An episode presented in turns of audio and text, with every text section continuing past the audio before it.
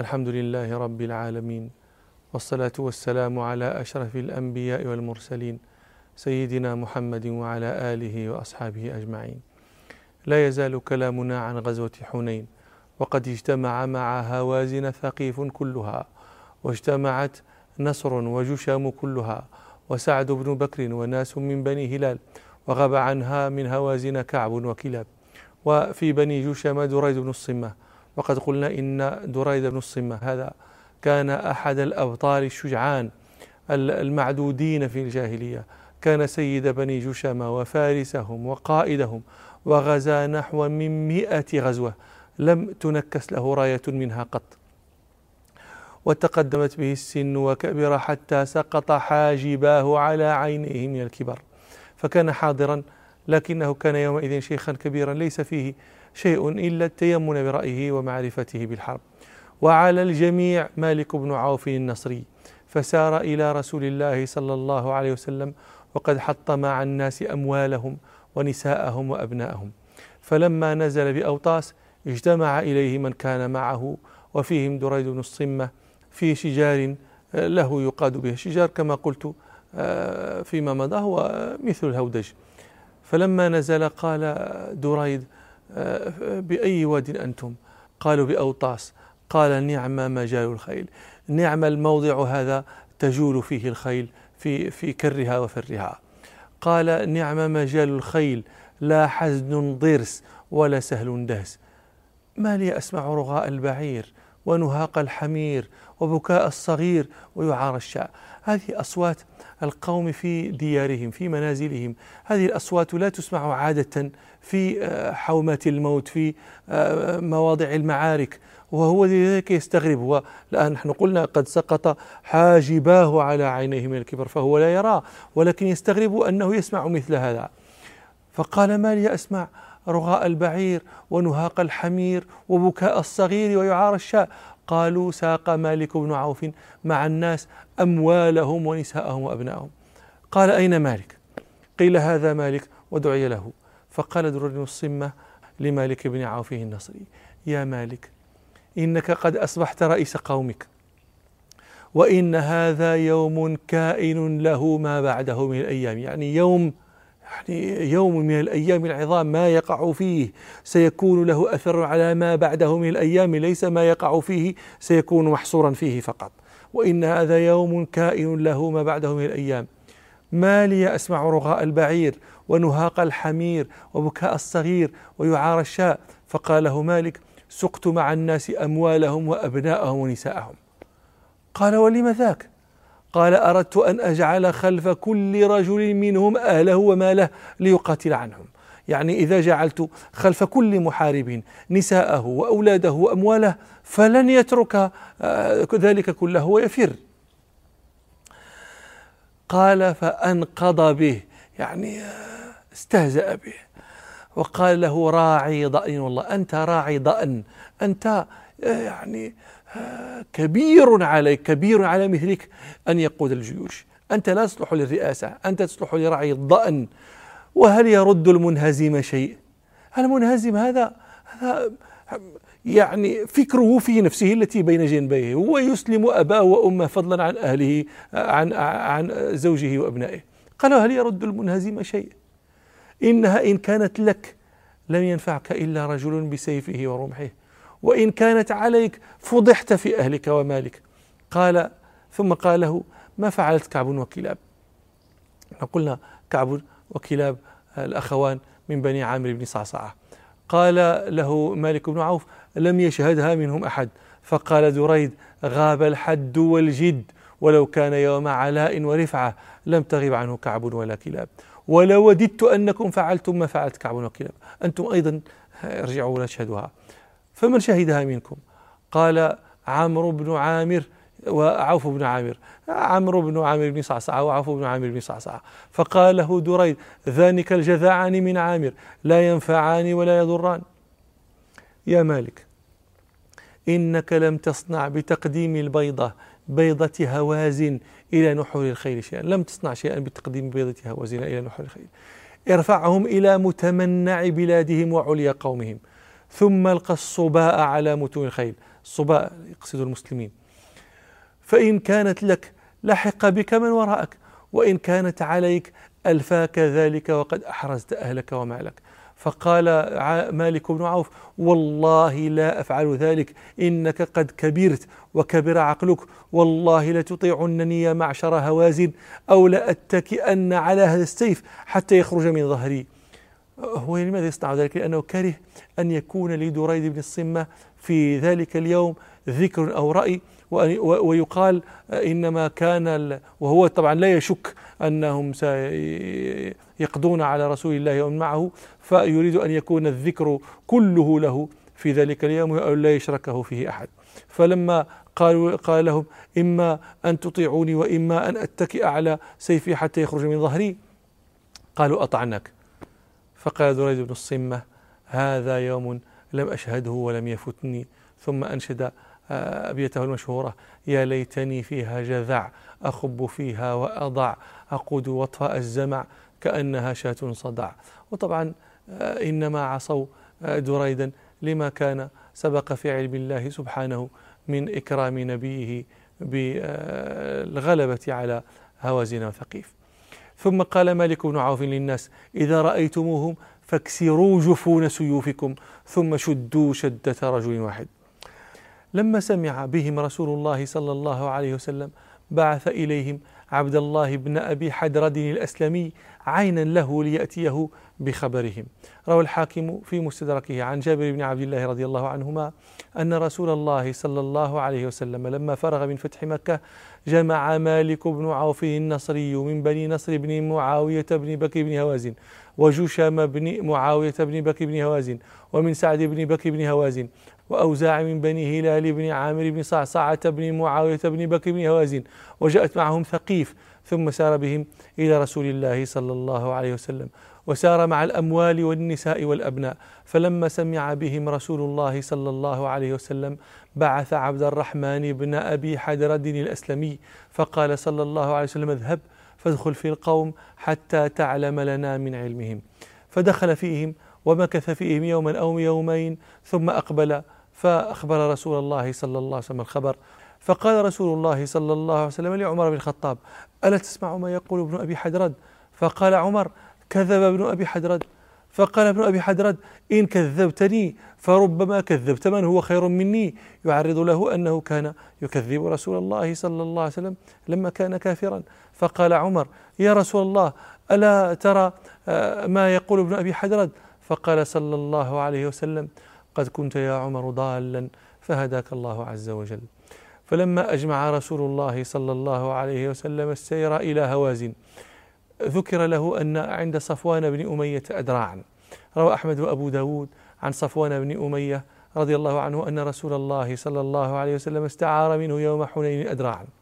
فقال أغصبا يا محمد؟ فقال صلى الله عليه وسلم بل عارية مضمونة. وروى الحاكم عن جابر بن عبد الله رضي الله عنهما قال بعث رسول الله صلى الله عليه وسلم إلى صفوان بن أمية فسأله أدراعا مئة درع وما يصلحها من عدتها. فقال أغصبا يا محمد. فقال صلى الله عليه وسلم بل عارية مضمونة حتى نؤديها إليك. وخرج صلى الله عليه وسلم في اثني عشر ألفا من المسلمين عشرة آلاف ممن جاء معه من المدينة لفتح مكة وألفين من أهل مكة من مسلمة الفتح ومن انضاف إليهم. روى البخاري عن أنس بن مالك رضي الله عنه قال لما كان يوم حنين أقبلت هوازن وغطفان وغيرهم بنعمهم وذرارهم ومع النبي صلى الله عليه وسلم يومئذ عشرة آلاف ومعه الطلقاء. وروى الحاكم والطبراني عن عياض بن الحارث الأنصاري رضي الله عنه أن رسول الله صلى الله عليه وسلم أتى هوازن في اثني عشر ألفا ويعد هذا الجيش أكبر جيش للمسلمين خرج منذ شورع القتال إلى ذلك الحين. ولهذا أعجب طائفة من المسلمين كثرتهم. بل يروى أن رجلا منهم قال يوم حنين لن نغلب اليوم من قلة وسوف يتبين لهم أن كثرتهم لم تدفع عنهم عدوهم ولا أغنت عنهم شيئا وسينزل ربنا سبحانه بعد ذلك قوله لقد نصركم الله في مواطن كثيرة ويوم حنين إذ أعجبتكم كثرتكم فلم تغن عنكم شيئا وضاقت عليكم الأرض بما رحبت ثم وليتم مدبرين. فبين لهم سبحانه أن الغلبة إنما تكون بنصره هو لمن ينصره سبحانه لا بكثرة العدد الذي غرهم. وقد قال سبحانه أيضا إن ينصركم الله فلا غالب لكم وإن يخذلكم فمن ذا الذي ينصركم من بعده وعلى الله فليتوكل المؤمنون. وكان رسول الله صلى الله عليه وسلم وهو أعلم الناس بالله. في ذلك الموطن يأوي إلى ركن ربه سبحانه معلنا افتقاره إليه ولم يركن صلى الله عليه وسلم إلى عدد من معه. روى أحمد عن صهيب الرومي رضي الله عنه أن رسول الله صلى الله عليه وسلم كان أيام حنين يحرك شفتيه بعد صلاة الفجر بشيء. قال لم نكن نراه يفعله قبل ذلك. فقلنا يا رسول الله إن نراك تفعل شيئا لم تكن تفعله فما هذا الذي تحرك به شفتيك؟ فقال صلى الله عليه وسلم إن نبيا في من كان قبلكم أعجبته كثرة أمته فقال لن يروم هؤلاء شيء. فأوحى الله إليه أن خير أمتك بين إحدى ثلاث إما أن نسلط عليهم عدوا من غيرهم فيستبيحهم أو الجوع وإما أن نرسل عليهم الموت. فشاورهم فقالوا أما العدو فلا طاقة لنا بهم وأما الجوع فلا صبر لنا عليه ولكن الموت فأرسل عليهم سبحانه الموت فمات منهم في ثلاثة أيام سبعون ألفا. فقال رسول الله صلى الله عليه وسلم فأنا أقول الآن حيث رأى كثرتهم اللهم بك أحاول وبك أصاول وبك أقاتل وانظروا إلى تقديم المتعلق على الفعل. وهذا من صيغ الحصر عند البلاغيين كأن رسول الله صلى الله عليه وسلم يقول اللهم لا أحاول إلا بك ولا أصاول إلا بك ولا أقاتل إلا بك فليس يركن إلى شيء إلا إلى ربه سبحانه. وفي طريقهم إلى حنين جاء رجل من المسلمين ممن كان تقدم الجيش يخبر رسول الله صلى الله عليه وسلم بالذي أعدته هوازن. روى أبو داود في سننه عن سهل بن الحنظلية رضي الله عنه أنهم ساروا مع رسول الله صلى الله عليه وسلم يوم حنين فأطنبوا السير حتى كانت عشية فحضرت الصلاة عند رسول الله صلى الله عليه وسلم. فجاء رجل فارس فقال يا رسول الله إني انطلقت بين أيديكم حتى طلعت جبل كذا وكذا. فإذا أنا بهوازن على بكرة آبائهم بضعنهم ونعمهم وشائهم اجتمعوا إلى حنين. فتبسم رسول الله صلى الله عليه وسلم وقال تلك غنيمة المسلمين غدا إن شاء الله. ثم قال صلى الله عليه وسلم من يحرسنا الليلة؟ فقال أنس بن أبي مرثد الغنوي رضي الله عنه أنا يا رسول الله. فقال له صلى الله عليه وسلم فاركب فركب ذاك فرسا فجاء إلى رسول الله صلى الله عليه وسلم فقال له رسول الله صلى الله عليه وسلم استقبل هذا الشعب حتى تكون في أعلاه ولا نغرن من قبلك الليلة. يعني لا يأتينا شيء من من قبلك. فلما أصبحنا يقول الراوي فلما أصبحنا خرج رسول الله صلى الله عليه وسلم إلى مصلاه فركع ركعتين ثم سأل الذين كانوا معه. فقال صلى الله عليه وسلم هل أحسستم فارسكم؟ قالوا يا رسول الله ما أحسسناه فثوب بالصلاة أقيمت آه، صلاة الصبح. فجعل رسول الله صلى الله عليه وسلم يصلي وهو يلتفت إلى الشعب إلى الموضع الذي أمر الرجل أن يكون فيه. فلما قضى صلى الله عليه وسلم صلاته وسلم قال لأصحابه أبشروا قد جاء فارسكم. قال فجعلنا ننظر إلى خلال الشجر في الشعب فإذا هو قد جاء. حتى وقف على رسول الله صلى الله عليه وسلم. فسلم فقال إني انطلقت حتى كنت في أعلى هذا الشعب حيث أمرني رسول الله صلى الله عليه وسلم فلما أصبحت اطلعت الشعبين كليهما اطلع عليهما كليهما. قال فنظرت فلم أرى أحدا. فقال له رسول الله صلى الله عليه وسلم هل نزلت الليلة؟ فقال هو لا إلا مصليا أو قاضي حاجة. فقال له رسول الله صلى الله عليه وسلم قد أوجبت فلا عليك أن تعمل بعدها. قد أوجبت الجنة وبعثت هوازن أيضا عينا يتجسس لها أخبار المسلمين. روى مسلم في صحيحه عن سلمة بن أكوع رضي الله عنه قال غزونا مع رسول الله صلى الله عليه وسلم هوازن فبينا نحن نتضحى نأكل أكلة الضحى مع رسول الله صلى الله عليه وسلم إذا جاء رجل على جمل أحمر فأناخه ثم انتزع طلقا من حقبه الطلق العقال من الجلد الحبل من الجلد. والحقب حبل يشد به رحل البعير إلى بطنه كأنه أخرج عقالا من تحت الحبل الذي آه، يشد الرحل على بطن البعير. قال فقيد به الجمل ثم تقدم يتغدى مع القوم. قال وجعل ينظر ينظر فينا قال وفينا ضعفاء وفينا رقة في الظهر وهذاك ينظر إلى أحوالهم وإلى أعدادهم وإلى الضعفة فيهم وإلى قلة ظهرهم وإلى بعضهم مشاة. قال ثم خرج يشتد. لما رأى الذي أراد أن يراه خرج يجري يركض. قال فأتى جمله فأطلق قيده ثم قعد عليه ثم أثاره فاشتد به الجمل. قام يركض الجمل أيضا. قال فاتبعه رجل على ناقة. قال سلمة وخرجت أنا أيضا أشتد في أثر الأعرابي الجاسوس وفي أثر الصحابي الذي فوق الناقة. قال فخرجت أشتد فكنت عند وارك الناقة. ثم تقدمت حتى كنت عند وارك الجمل. جمل الأعرابي قال ثم تقدمت حتى أخذت بخطام الجمل بخطام جمل الأعرابي قال فأنخته. قال فلما وضع ركبته في الأرض يقصد الجمل فلما وضع ركبته في الأرض اختارت سيفي فضربت رأس الرجل فندر طار.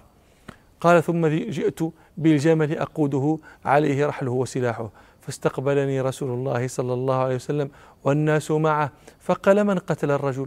فقالوا الأكوع طبعا الأكوع هذا أحد العدائين وقد تقدم لنا كيف صنع بفرسان فزارة يوم غزوة الغابة.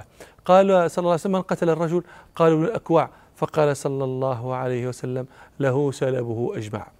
وفي طريقهم إلى حنين وقع منهم فعل نبههم النبي صلى الله عليه وسلم على مثله ونبه أمته صلى الله عليه وسلم بواسطتهم.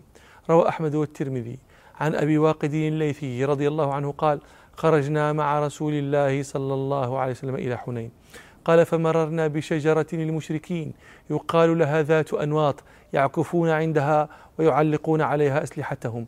فقالوا يا رسول الله اجعل لنا ذات أنواط كما لهم ذات أنواط فقال النبي صلى الله عليه وسلم الله أكبر هذا كما قالت بنو إسرائيل لموسى اجعل لنا إلها كما لهم آلهة والذي نفسي بيده لتركبن سنة من كان قبلكم. ثم مضى رسول الله صلى الله عليه وسلم بجيشه حتى وصل إلى حنين وكان مالك بن عوف النصري قد سبق رسول الله صلى الله عليه وسلم إليه. وحنين هذا واد ثم هو أجوف فيه شعاب فيه مضايق. فهيأ مالك بن عوف أصحابه وجعلهم في مضايق حنين وفي شعابه وأوعز إليهم أن يحملوا على محمد صلى الله عليه وسلم وأصحابه حملة واحدة. أقبل رسول الله صلى الله عليه وسلم وأصحابه حتى دخلوا حنينا. ونكمل حديثنا فيما نستقبل إن شاء الله. سبحانك اللهم وبحمدك أشهد أن لا إله إلا أنت أستغفرك وأتوب إليك والحمد لله رب العالمين.